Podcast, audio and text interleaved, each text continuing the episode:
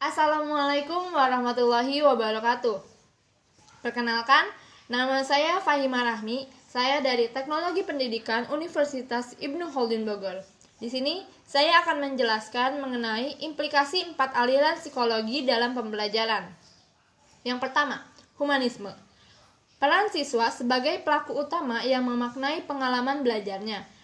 Peran pengalaman sebagai ilmu pengetahuan yang di dalamnya terdapat nilai-nilai humanisme dan peran guru hanya sebagai fasilitator yang memfasilitasi pengalaman belajar. Kedua, implikasi behavioristik. Guru memberikan sebuah stimulus berupa materi-materi pengajaran dan mengharapkan akan mendapatkan sebuah respon yang berupa perubahan tingkah laku dari murid-muridnya. Perubahan tingkah laku ini dalam bentuk ketidaktahuan dan ketidakmampuan untuk mempraktekkan pembelajaran yang diberikan, berubah menjadi mampu untuk mempraktekannya. Guru tidak melihat bagaimana proses murid-murid mencerna materi pembelajaran. Guru hanya melihat bagaimana hasil dari yang diperoleh. 3. Implikasi konstruktivisme. Peran pengajar dalam konstruktivisme tidak lebih dari sebagai fasilitator dan mediator yang membantu agar proses belajar mengajar berjalan dengan baik dan mampu mengkonstruksi pengetahuannya sendiri.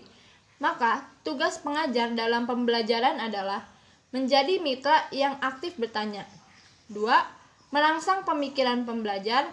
3. Menciptakan persola, memberikan murid menggunakan gagasan dan konsep, kritis menguji konsep murid, menghargai dan menerima pemikiran pelajar ataupun adanya, menguasai bahan atau materi secara luas dan mendalam.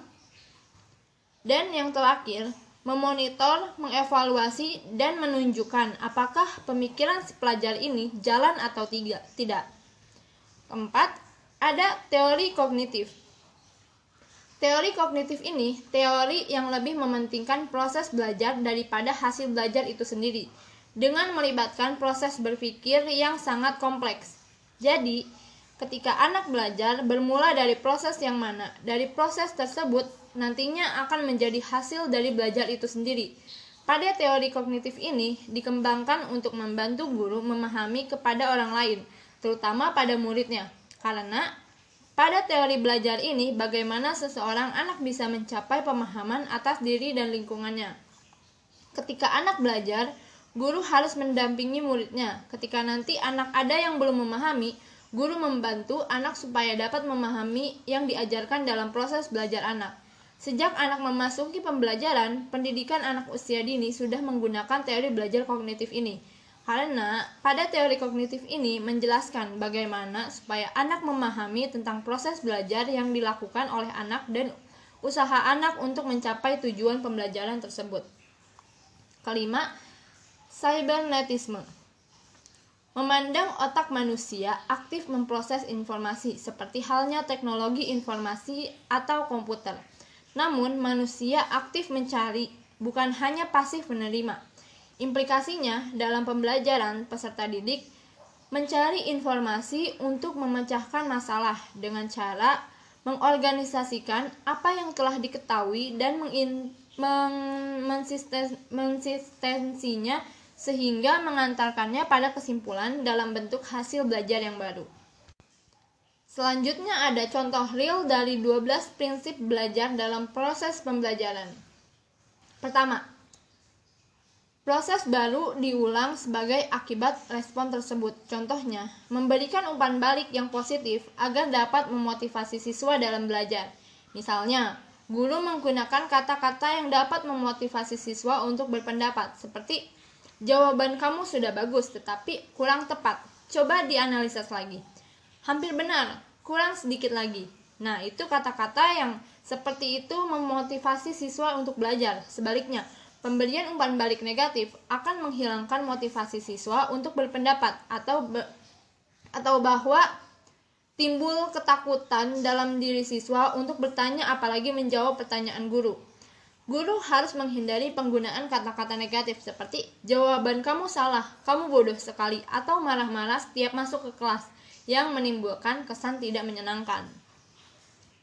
Selanjutnya, perilaku berada di bawah pengaruh kondisi lingkungan. Contohnya, saat pembelajaran pertemuan pertama menggunakan metode diskusi, lalu pertemuan berikutnya menggunakan media pembelajaran seperti pembelajaran berbentuk video agar siswa tidak mudah bosan saat pembelajaran berlangsung. Selanjutnya, perilaku yang dihasilkan akan hilang bila tidak diperkuat. Contohnya, saat pembelajaran, bahas kembali materi yang telah dijelaskan pada pertemuan kemarin agar siswa mengingat kembali materi-materi yang sudah dijelaskan. Selain itu, gunakanlah metode-metode pembelajaran yang bisa diingat kembali oleh siswa, seperti mengadakan praktik. Karena kalau kita belajar dengan mempraktikannya langsung, maka akan mudah bagi siswa untuk memahaminya.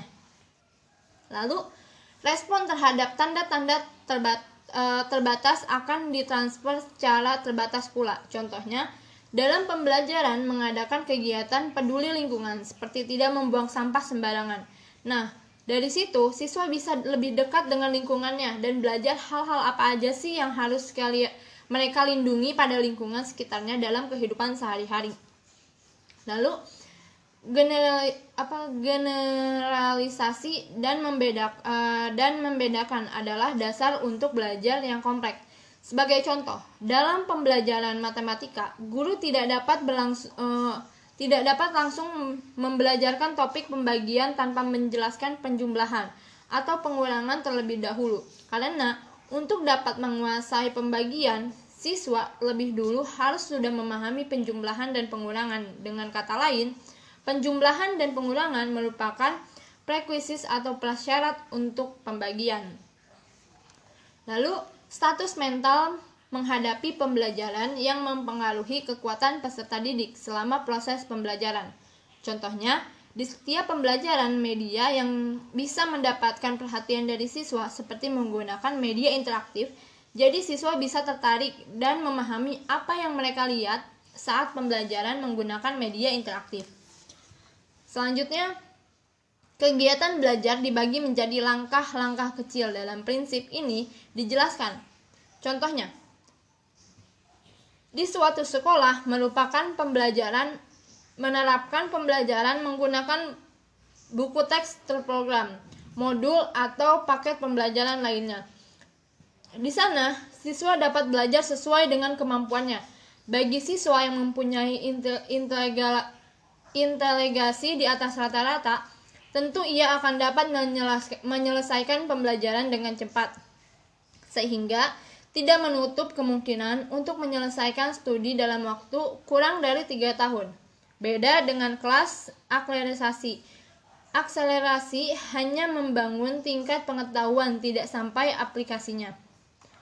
Selanjutnya, menyederhanakan materi kompleks dengan menggunakan model atau e, contoh suatu objek sebagai contoh, media audio mungkin cocok atau tepat untuk mata pelajaran bahasa, namun kurang tepat digunakan untuk mata pelajaran matematika.